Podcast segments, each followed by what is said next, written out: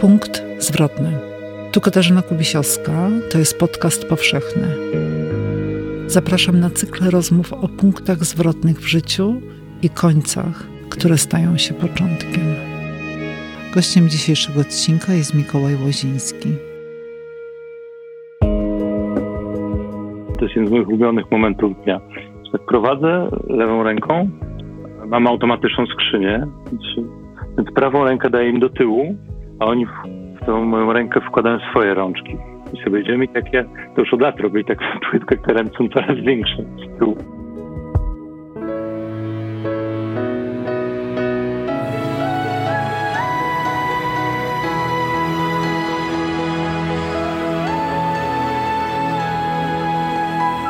Podcast powszechny. Weź, słuchaj. Dziękujemy patronkom i patronom za wsparcie. Dołącz do grona dobroczyńców podcastu Tygodnika Powszechnego w serwisie Patronite. Dzień dobry z Krakowa, z Tygodnika Powszechnego, ze studia przy ulicy Dworskiej 1C Katarzyna Kubisiowska. Dziś będę rozmawiać z Mikołajem Łozińskim. Dzień dobry Mikołaj. Dzień dobry. Gdzie ty jesteś teraz? Ja jestem w Warszawie przed komputerem w sypialni. To jest twoje miejsce pracy, ta sypialnia? W domu, tak. Mhm. Mikołaj, mamy dzisiaj rozmawiać o punktach zwrotnych w twoim życiu. No wiem właśnie, ale jakoś chyba jestem nieprzygotowany. Myślałem nawet trochę. No i w tym nieprzygotowaniu co wymyśliłeś? Spróbujemy coś sklecić z nieprzygotowania twojego. Dobrze. No tak wiesz, rozłożyłem sobie to moje 41 lat na taki, zrobiłem z tego taką oś czasu w głowie, no i tak próbowałem, szukałem właśnie tych punktów. No na pewno pierwszy, który mi przyszedł, to właściwie jest ostatni taki punkt zwrotny, czyli, czyli taki, który nie jest mój osobisty, znaczy też, ale dotknął wszystkich, e, wszystkich na świecie, zupełnie uniwersalny, czyli ta pandemia. Wydaje mi się, że no, nawet wojny światowe nie obejmowały całego świata tak naprawdę, a pandemia objęła. Mm. Jak z perspektywy tych no, prawie dwóch lat patrzysz na to, co się wydarzyło, na tę pandemię, na to, że jesteśmy w takiej sytuacji egzystencjalnej i ekonomicznej, zupełnie nowej dla nas wszystkich, wszyscy ludzie w każdym zakątku świata? No, wydaje mi się, że pandemia to było, czy jest takie wielkie sprawdzam dla, no, dla ludzi, dla ich, dla ich rodzin, dla pracy, dla kontaktu z najbliższymi, ale też wielkie sprawdzam dla państw. Zaczęliśmy, jak to działa albo nie działa. Jak działa ekonomia, właśnie o której mówiłeś, czy służba zdrowia, jak działa, jak nie działa. No to wszystko pandemia dała okazję, żeby to wszystko sprawdzić. No, ale też dała okazję do tego, żebyśmy się bardziej przyjrzeli sobie, prawda? Na początku tak było, bo to też ewoluowało. Na początku było trochę, trochę strachu, trochę euforii takiej, że teraz właśnie przyjrzymy się sobie i poznamy lepiej siebie, tacy zamknięci, odcięci od świata zewnętrznego. No, ale potem wydaje mi się, że weszły takie uczucie jak rezygnacja, złość, taka niepewność na dłuższą metę jest bardzo trudna dla wszystkich. Czy w czasie pandemii mogłeś pisać? Albo coś zacząłeś pisać? Albo miałeś tak, pomysły? Tak, hmm? tak, tak w szczęśliwej sytuacji, że już miałem coś, nad czym pracowałem i, i też to, czym się zajmuję, czyli pisanie, nie, no, jakby w to nie, uderza, nie uderzyła pandemia. W żaden sposób mogłem dalej robić to, co robię. Więc byłem w takiej uprzywilejowanej sytuacji na pewno. No, piszesz systematycznie, dzień w dzień, od godziny... Staram się. Mhm. Mhm. Jakie to są widełki wtedy, czasowe? To wszystko zależy od kiedy, zależy od szkoły moich dzieci, bo to jest zwykle tak, że rano zawożę ich do szkoły, no potem idę pracować. Trochę, trochę tam rzadko mi coś udaje, to jest głównie tak siedzę przed komputerem, poprawiam to, co napisałem poprzedniego dnia, no chodzę do, do lodówki, do łazienki, coś sprzątam, coś na zmianę włączam i wyłączam telefon. Yy, no i zwykle zauważyłem, że jest tak, że no już patrzę na zegarek, o kurczę, no już mam tylko pół godziny, zaraz muszę jechać po dzieci i wtedy nagle coś mi przychodzi. jakiś pomysł, coś napiszę parę zdań. I tak wtedy zawsze zastanawiam, czy te wcześniej 6-7 godzin siedzenia przy komputerze było konieczne do tego, do tej ostatniej, do tych ostatnich 30 minut, gdzie, kiedy udało mi się coś, coś napisać, czy może powinien był tylko pracować 30 minut po prostu już. Te trudy, te trudy procesu twórczego y, są znakomicie pokazane w książce prezydenta Dwojga, y, y, która jakiś czas temu, chyba rok temu albo dwa lata temu została wydana. I tam jest właśnie ojciec, pisarz, który próbuje coś napisać i się męczy. I właściwie to wygląda tak, w taki sposób, jak, jak ty to przez sekundką pokazałeś. Pamiętasz? No na pewno, tak, no, pamiętam. To jest książka, prezent dla dwojga i to jest prezent dla, prezent dla moich dzieci właśnie. Emilia i Romana. Mhm. Historia inspirowana tym, jak oni przyszli na świat i, i jak wyglądał pierwszy rok ich życia. No i na pewno ich przyjście na świat to był taki, no nie wiem, czy nie najważniejszy punkt zwrotny dla Opo- mnie. Opowiesz o tym dniu? W książce Prezent dla dwojga opisujesz opisujesz ten moment, kiedy twoja żona jedzie i bliźniaki postanawiają e, troszkę wcześniej e, pojawić się na świecie i ty chcesz, e, e, ty, ojciec, e, no bohater książki, tutaj jest pewna gra prowadzona między bohaterem a tej opowieści, a opowiadającym, czyli Mikołajem Łozińskim. Ich jak najbardziej uroczyście przywitać i nie wiem, czy koszulę ma mieć w spodniach, czy na zewnątrz. tak. W rzeczywistości było trochę inaczej. Mm, no, w nerwach to wszystko. Pamiętam, że poród był w nerwach troszkę wcześniej niż miał być. E, I pamiętam, przyszedł na świat właśnie, no, trochę po 11 wieczorem. I rano jechałem ich, widziałem ich w nocy, a potem rano pani wróciłem tu przespać się na chwilę w tej sypialni właśnie, e, z której teraz z której teraz, której teraz siedzę. I no i wstałem rano, taki o 6 już zwarty, gotowy. Pamiętam, jechałem, bo taki zaśnieżony grudzień 2011, zaśnieżone miasto. Tam jadę moim czarnym Volvem do, do szpitala i tak słuchałem sobie Arety Franklin tak pamiętam, że tak waliłem ręką w kierownicę i se sam do siebie krzyczałem w samochodzie nowe życie, nowe życie. No bo oczywiście to, to było nowe życie i też nowe życie dla nas, bo to życie Mm, ja bardzo lubię mieć, tak jak myślałem przy okazji właśnie tych punktów zwrotnych, bardzo lubię mieć jakiś cel. Może być jakaś głupota, nie może dzisiaj o tej o tej pójdę na zakupy, czy coś odbiorę z pralni, czy właśnie pojadę po dzieci, ale też lubię takie troszkę bardziej mm, cele w dłuższej e, perspektywie.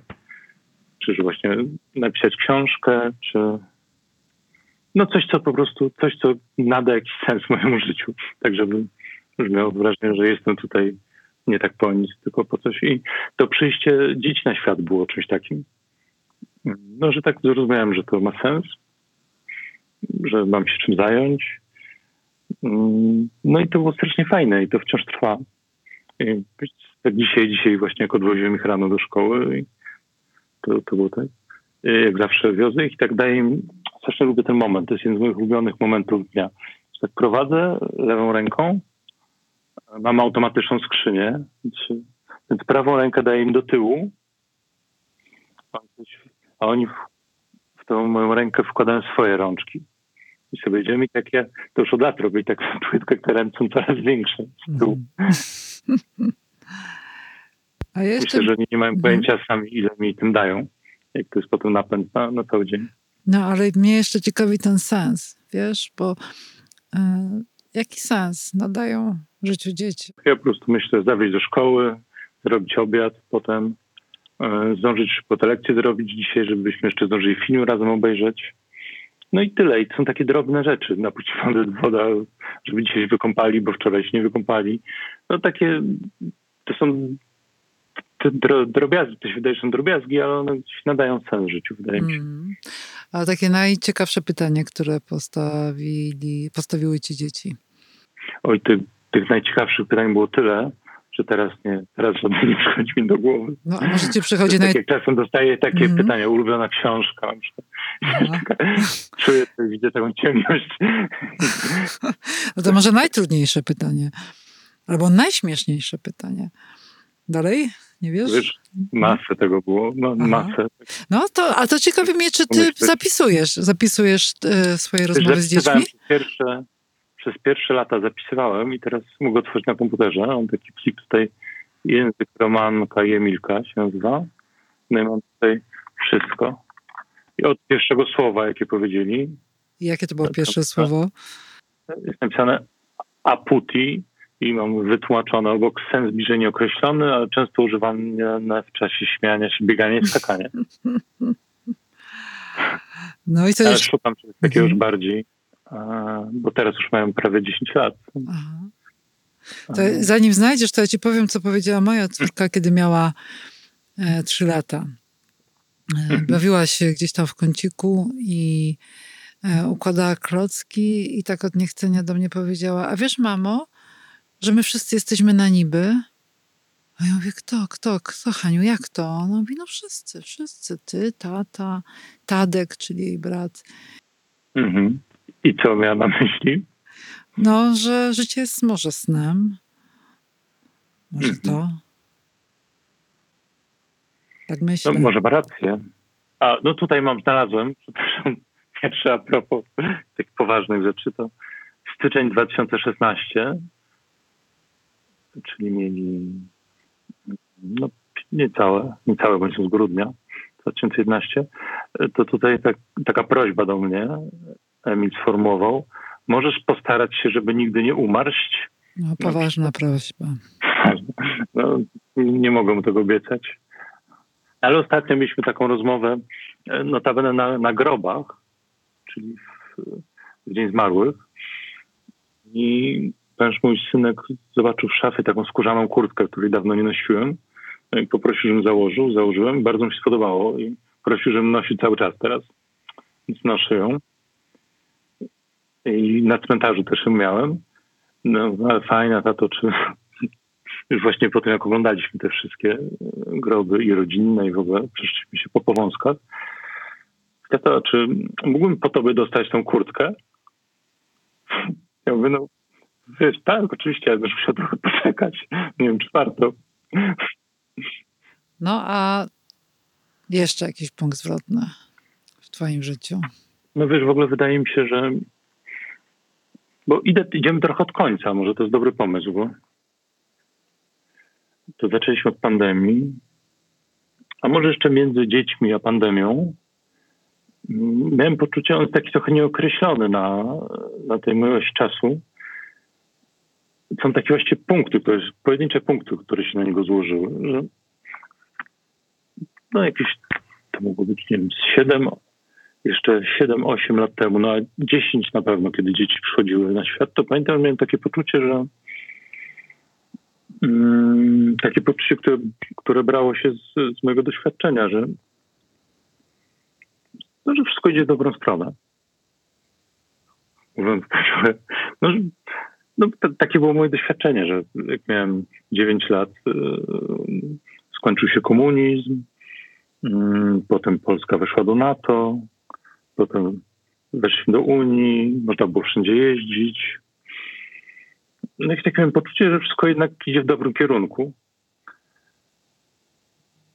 No a potem, potem miałem wrażenie, że wszystko zaczęło się sypać. Także za świadomego życia moich dzieci jest odwrotnie. Jakby same tam, to, to, to, co dotąd ich spotkało, a są dopiero 10 lat na, na świecie to jest e, Brexit, Trump, no to co w Polsce to wiadomo. E, No i wydawało się, że to co jeszcze gorszego może się przydarzyć. No i wtedy przyszła jeszcze pandemia.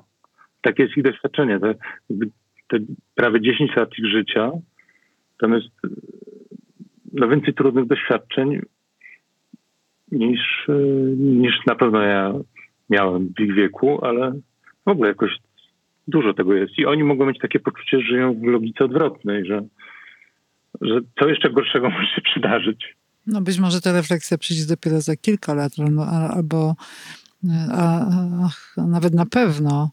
Natomiast mnie ciekawi, czy ty, czy na przykład nie myślisz o tym, żeby napisać jakieś opowieści dla nich, właśnie wokół tych zdarzeń, o których powiedziałeś, dla swoich synów i w ogóle dla innych dzieci. Piszesz przecież bajki. No Bajki dla Idy kiedyś. Mhm. Tak, tak, dla mojej bratanicy, a to właśnie ta książka, o której mówiłaś, to jest prezent dla dwojga, czyli właśnie dla, dla moich chłopaków. A jeszcze między tymi książkami była prawdziwa bajka, taki tak, e, tak. komiks picture właściwie, picture tak. book, tak. Mhm. Nie, nie, nie, myślałem o tym. Czasem opowiadam im e, bajki na dobranoc, bo mi tata opowiadał, bardzo lubiłem. Zawsze były historie o konia Arkadiusz występował, e, Miś Placy, e, Mikołaj oczywiście, czyli ja, e, Opel Kadett i oni tam mieli różne przygody. A ja opowiadam moim chłopakom o gorylkach. Oni mnie proszą. Jak byli mali, to często to robiłem, a teraz już tylko na wyraźną prośbę właściwie. Nie, ale tak mam wrażenie, że jakby przyszli na świat w takim trudnym momencie, ale być może mm, być może być może nigdy nie ma takiego dobrego momentu, bo tak jak jest e, znany wiersz Wisławy Szymborskiej, nie wiem, czy taki jest tytuł, czy początek, że e, na urodziny dziecka świat nigdy nie jest gotowy. Czy z drugiej strony to samo trochę tylko powiedziane inaczej przez e, grafika Przemka Debowskiego na takim znanym plakacie, gdzie jest napisane zawsze kurwa coś.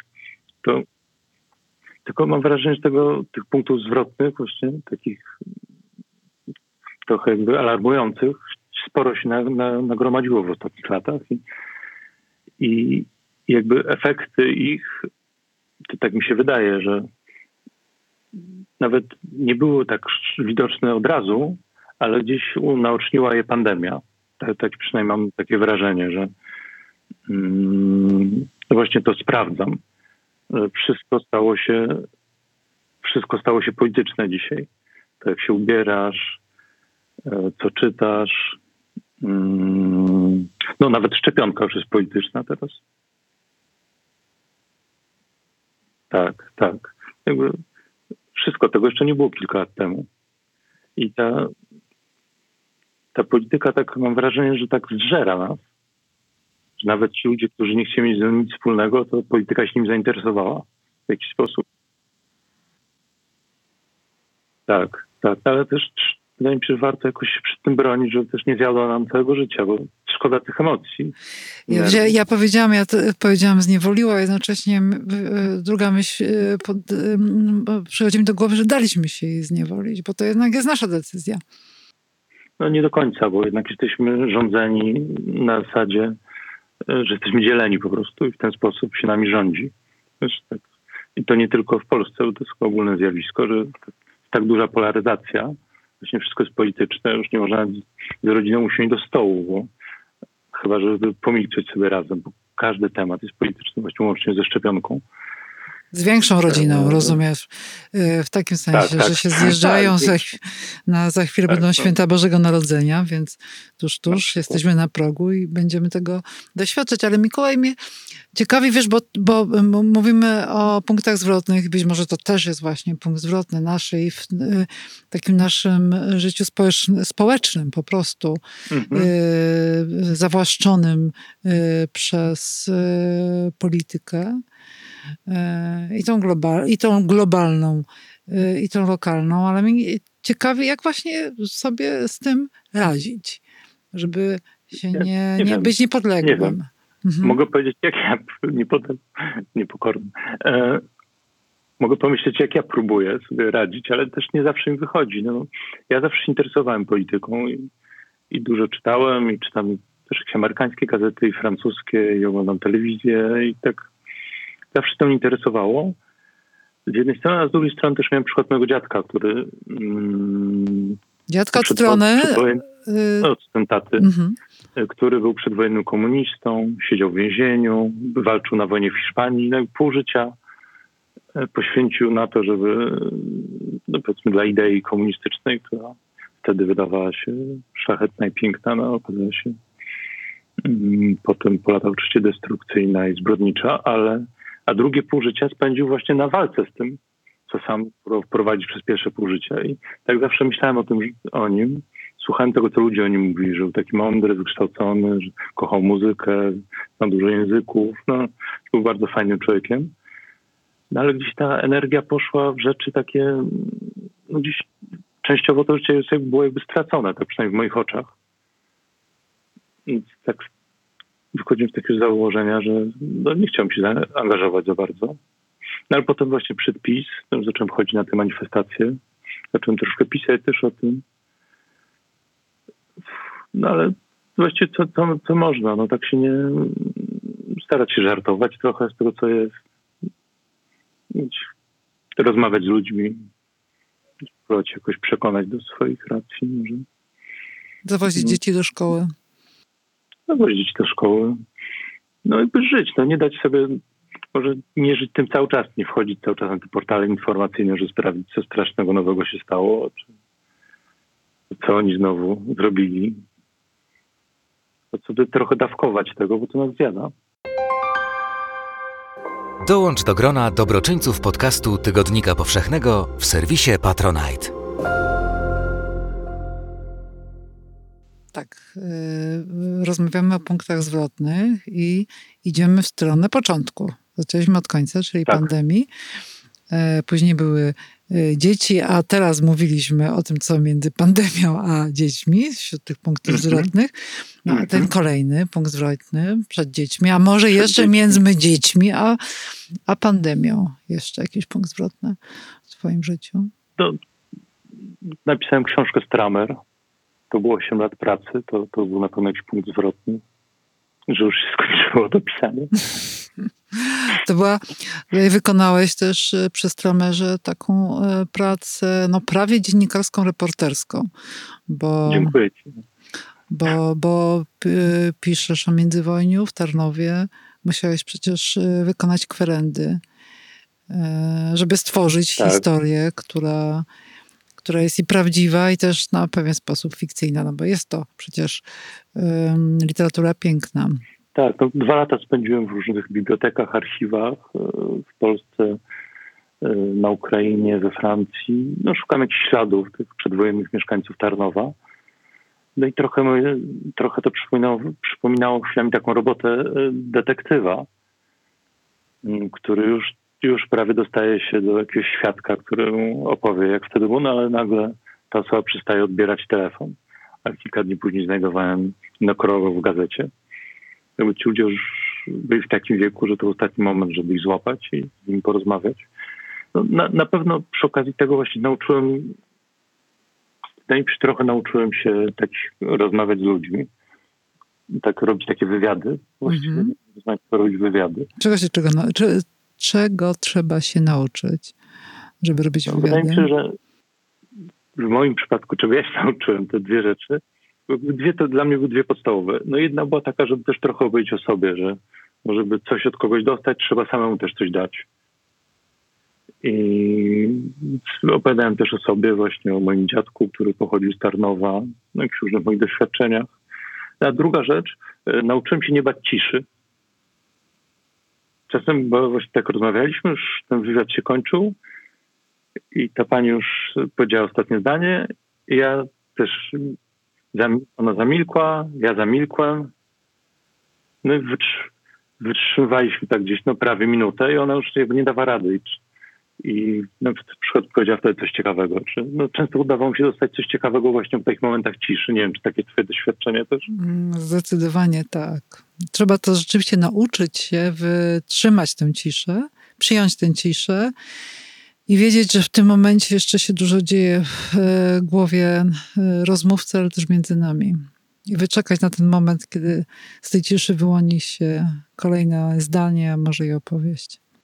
Dokładnie tak. No a Stramer e, to jest kolejna twoja książka, która toczy się, rozwija wokół twojego doświadczenia rodzinnego. Bo przecież książka pod tytułem książka i właśnie Stramer. I właściwie też twoje takie prywatne doświadczenie e, mm, emigranta, czy tam półemigranta, czy tam człowieka mieszkającego mhm. we Francji e, było inspiracją, spotkanie e, z kobietą, panią psychoanalityk, starszą kobietą, było inspiracją do napisania Reise Fiber. Ja sobie myślę tak, że Mikołaj, ty opowiadasz, pokazujesz całą swoją dotychczasową twórczością, że wszystko, co najważniejsze, wszystko, co najważniejsze do opowiedzenia, e, dzieje się wokoło nas, e, wśród naszych bliskich. Że nie trzeba szukać daleko, tylko to wszystko, te historie, bohaterowie, te emocje e, są w naszej rodzinie. Tak? Szekspir nam to też pokazywał wspaniale. To tak mi się wydaje, że u mnie chyba to się bierze z jakiegoś zderzenia tego właśnie, co z zewnątrz, co w środku i, i no, potem się zabieram za pisanie. Ale tak, no, staram się pisać, czy próbuję pisać o tym, co, co znam, albo co wydaje mi się, że znam, albo o tym, co jest moje, no, o tym, o czym mam jakieś pojęcie, w czym czuję się trochę kompetentny, ale też potem jak zaczynam o tym pisać, to okazuje się, że nic nie wiem tak naprawdę. To tylko mi się wydawało. Takie miałem doświadczenie przy książce książce i przy stramerze też przy Stramerze miałem zupełnie jakby czarno-białe spojrzenie na tą żydowską społeczność przedwojenną. Czyli jakie? Tak patrzyłem przez, no patrzyłem przez pryzmat, no nie wiem, chyba tych wojennych okularów. Takie miałem, czy nawet sepiowe, czy nawet jakieś takie sepiowe spojrzenie na nich. No, że wszyscy ortodoksyjni, jarmułki, pejsy. Ale jak przyjrzałem się temu i zdjąłem te okulary, to tam było masę to było bardzo różnorodne i tam było masę życia. Mhm. Radości, i radości. Wojna przecież. i radości, mhm. tak. Jeśli, oczywiście wojna Holokaust to skreśliły, ale też y, zmieniły nasze spojrzenie na to, co było wcześniej. Mhm. Tak, tak mi się wydaje. A czy to pogłębianie historii rodzinnych, to zastanowienie się, bo z jednej strony E, to są te kwerendy, opowieści, które zdobywasz dzięki starszym członkom rodziny, o tych członkach rodziny, które już nie żyją. To są te zdjęcia, ale jednocześnie, e, które są z inspiracją do tego, żeby poruszyć wyobraźnię, zastanowić się, prawda? W, mhm. Próbować się wczuć, zidentyfikować, co to wszystko powoduje w tobie. Jak, y, jak, jak, jak ty po napisaniu takich książek y, myślisz y, o swoich korzeniach, o swoim żydostwie? Czy to się musiało zmieniać przez te lata? Tak sądzę. Wcześniej w ogóle nie myślałem. Mhm. Wcześniej, czyli kiedy? No przed, myślę, przed pisaniem książki, książki. No tak wiesz, sporadycznie, jak ktoś opowiedział księdz Siemicki żart, to przypomniało mi się, że jestem żydowskiego pochodzenia i coś interweniowałem lub nie. A, a potem, nie wiem, jest jakaś część po prostu życia. Chciałem coś, być może więcej się o tym dowiedzieć. Nie, nie myślę o tym na co dzień. A twoje dzieci pytają? Y, tak, tak. Czekałem, czekałem na dobry moment, żeby im o tym powiedzieć. No, ponieważ tą informacją przychodzi dosyć, za nią się kryje dosyć duży ciężar gatunkowy w postaci wojny, Holokaustu. Za, mówię za, za informacją o pochodzeniu. To poczekałem do siódmego roku życia, bo jak mówię Francuzi, to jest wiek rozumu. No więc powiedziałem, no przyjdę do wiadomości, okej. Okay. No nie, nie, nie, pytają za dużo. Ja troszeczkę opowiedziałem. Poczekam, aż sami do mnie przyjdą z pytaniami, wtedy chętniej coś więcej powiem. No, a ta kolejna rzecz, nad którą w tym momencie pracujesz, mm, będzie też się toczyła w oku, rozwijała w oku jakiegoś zdarzenia człowieka, sytuacji rodzinnej? Jest, nie wiem, czy wyjdzie mi, ale jeśli tak, to, to chyba też będzie, tak jak Stramer też było, o tym to, takim zdarzeniu człowieka czy rodziny z historią. Jeszcze jakiś punkt zwrotny? Mamy chyba już dojść no, do jakiegoś początku. No. Właśnie, dochodzimy powoli. Myślę, że wyjazd do Francji był takim punktem zwrotnym. Mhm. I studia? Ja wyjechałem zaraz po maturze, tak, zaraz po maturze w Warszawie. Wyjechałem do, do Paryża do mojej narzeczonej i tam um, I tam zacząłem od tego, że właśnie nie dostałem się na studia. Ja miałem rok taki, mm, takich różnych prac właśnie w ekipie remontowej, malarz z Wenezueli na przykład, czy no właśnie takich prac fizycznych. Mm, to pamiętam. No to było z jednej strony trochę, ten wyjazd był taki też trochę wyzwalający, bo no, inny kraj, język, wszystko. No dorosłość, prawda?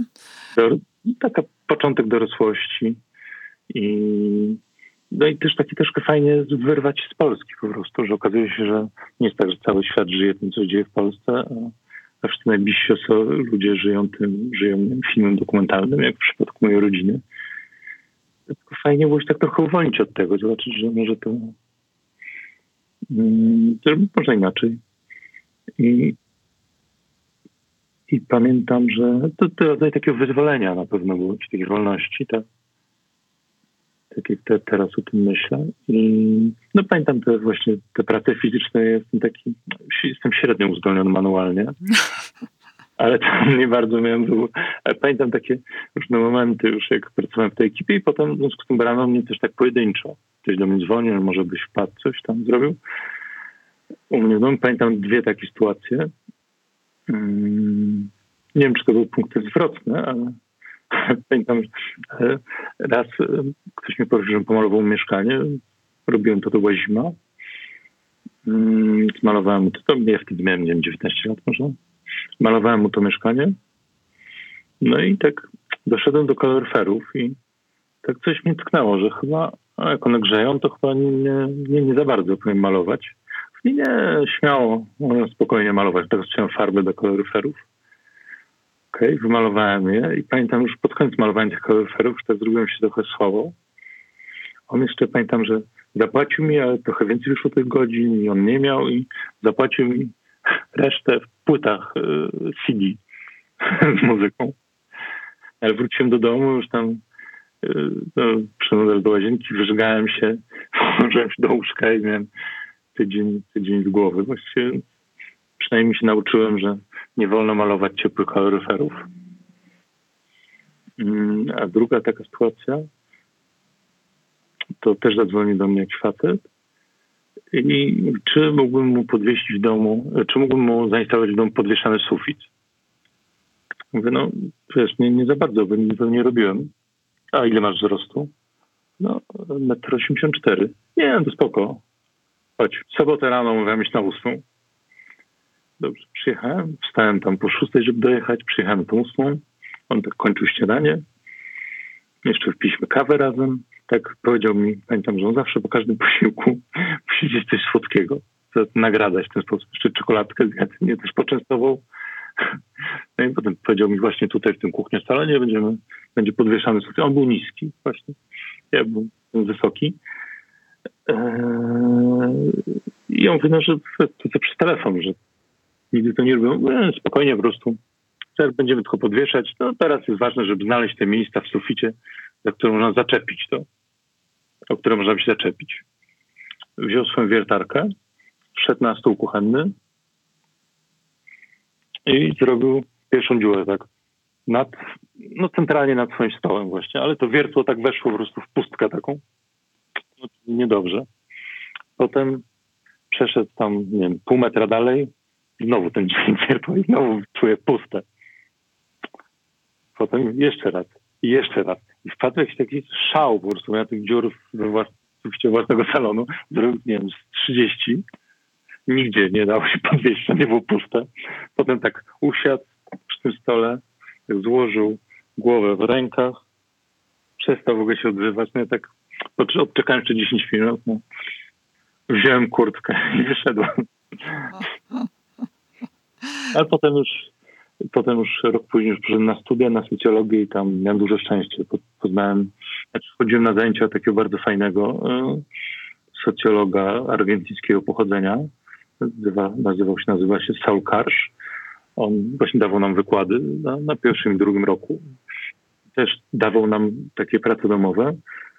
E, trzeba przeczytać bardzo trudne teksty, przynajmniej dla mnie socjologiczne, tam parę rozdziałów z książki na przykład i opisać je na jednej kartce A4, takiej fiszce i to nie mogło być dłuższe.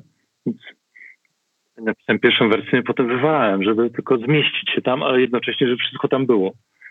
Ja myślę, że to była moja szkoła pisania, że do dzisiaj tak się staram pisać, żeby y, no, nie zabierać ludziom dużo czasu, nie zabierać dużo miejsca na kartce czy w książce, a żeby staram się, żeby wszystko tam mimo wszystko było. Mhm.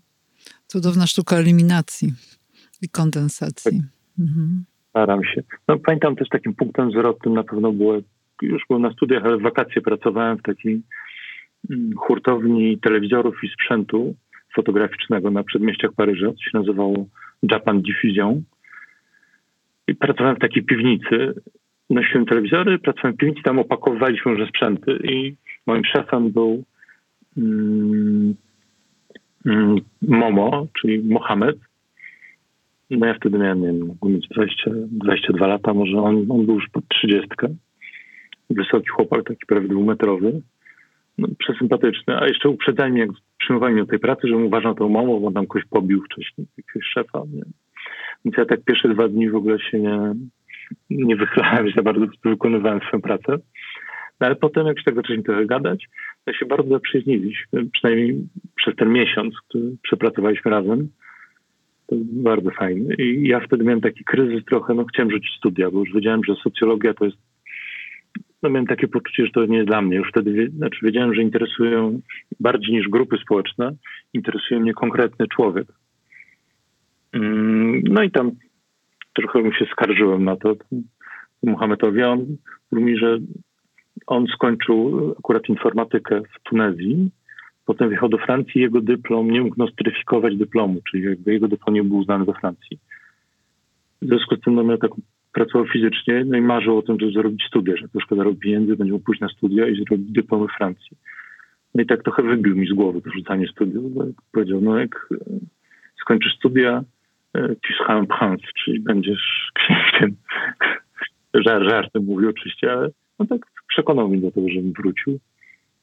A drugą osobą, która mnie przekonała, to był właśnie też ten e, Sal Karsz, ten, ten wykładowca pierwszych lat, do którego poszedłem z takim, może powiedzieć, że właśnie mam, no mam taki kryzys, że chciałbym właśnie zająć się trochę bardziej fotografią, bo tym się wcześniej zajmowałem pisaniem, a no, nie jestem pewny tej socjologii. I tak powiedziałem, no w sumie głupio mi, pan to z głównym wykładowcą to mówić, ale bo on miał takie jakby dyżury raz w tygodniu, poszedłem do niego, ale też mi głupio, no, ale socjologia mnie nie bardzo interesuje. Bo pan spojrzał, powiedział, mnie też nie. Zaskoczenie. A drugi raz, pamiętam, miałem dwie z nim takie rozmowy ważne. To była pierwsza. I gdzieś, ale paradoksalnie tym przekonał mnie, żebym dalej, dalej studiował. A, a druga, to było pod koniec, mój ostatni rok. Też to był jego ostatni rok, bo on przychodził na emeryturę. I w tych y, wyższych jakby latach prowadził już tylko fakultet taki, który bardzo lubiłem. Się nazywał Freud Socjolog ze znakiem zapytania. Właściwie było to o Freudzie, tam socjolog znalazł się w tytule, no żeby to, żeby w ramach socjologii uznano takie zajęcia. I to było absolutnie pasjonujące. I pamiętam, że no już właśnie ostatnie jego zajęcia. I wszyscy wiedzieliśmy, ci studenci, że to on już kończy, już nie będzie tam więcej uczył.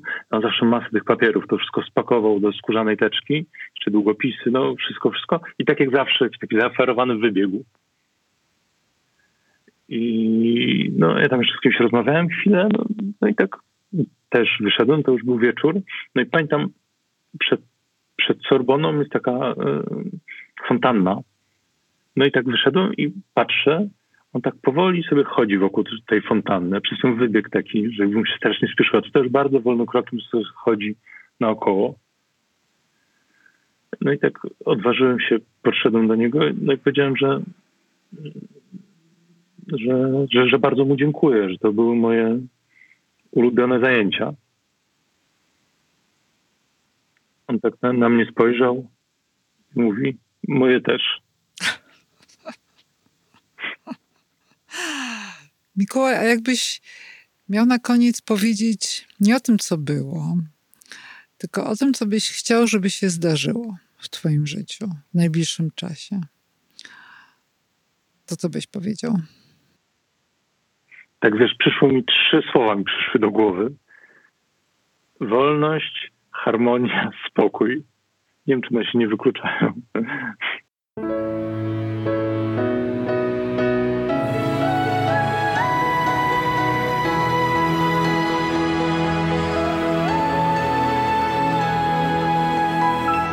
Podcast powszechny. Weź, słuchaj. Jeśli słuchają nas Państwo w Spotify albo w Apple Podcasts, zasubskrybujcie nasz kanał. Jesteśmy też w Google Podcasts i w aplikacji Lekton oraz na www.tygodnikpowszechny.pl/podcast. Dziękujemy patronkom i patronom za wsparcie. Współwydawcą podcastu powszechnego jest Fundacja Tygodnika Powszechnego.